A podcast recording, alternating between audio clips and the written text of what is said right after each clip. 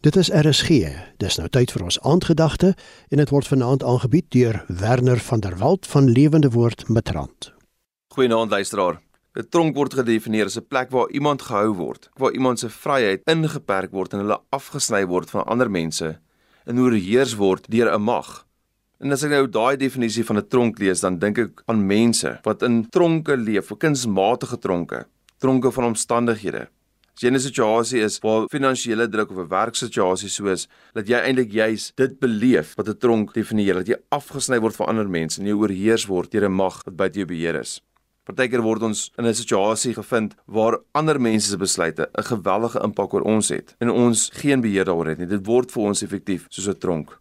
En dink aan iemand wat dalk lyding in hulle liggaam het.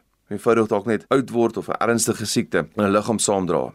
Dis amper asof jy in jou eie liggaam 'n tronk beleef En dan natuurlik, miskien die heel belangrikste en die mees toepaslike is, partykeer beleef ons ook 'n tronk in ons eie gedagtes. Hoe ons onsself inperk en oorheers word deur of die kultuur van die wêreld daar buite, of selfs die vyand se invloed in ons lewens.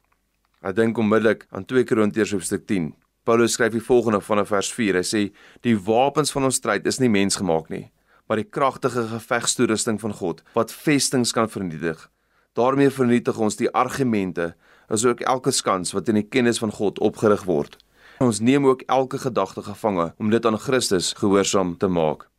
So interessant dat Paulus praat van ons geestelike oorlogvoering eerstens as 'n stryd wat in ons eie gedagtes plaasvind.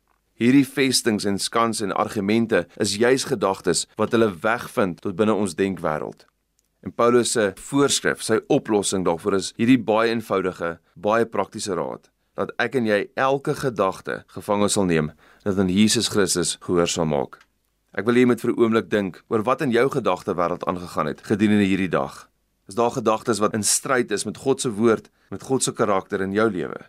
Dis dalk goed om daai gedagtes te identifiseer en hierdie volgende gebed saam met my te bid.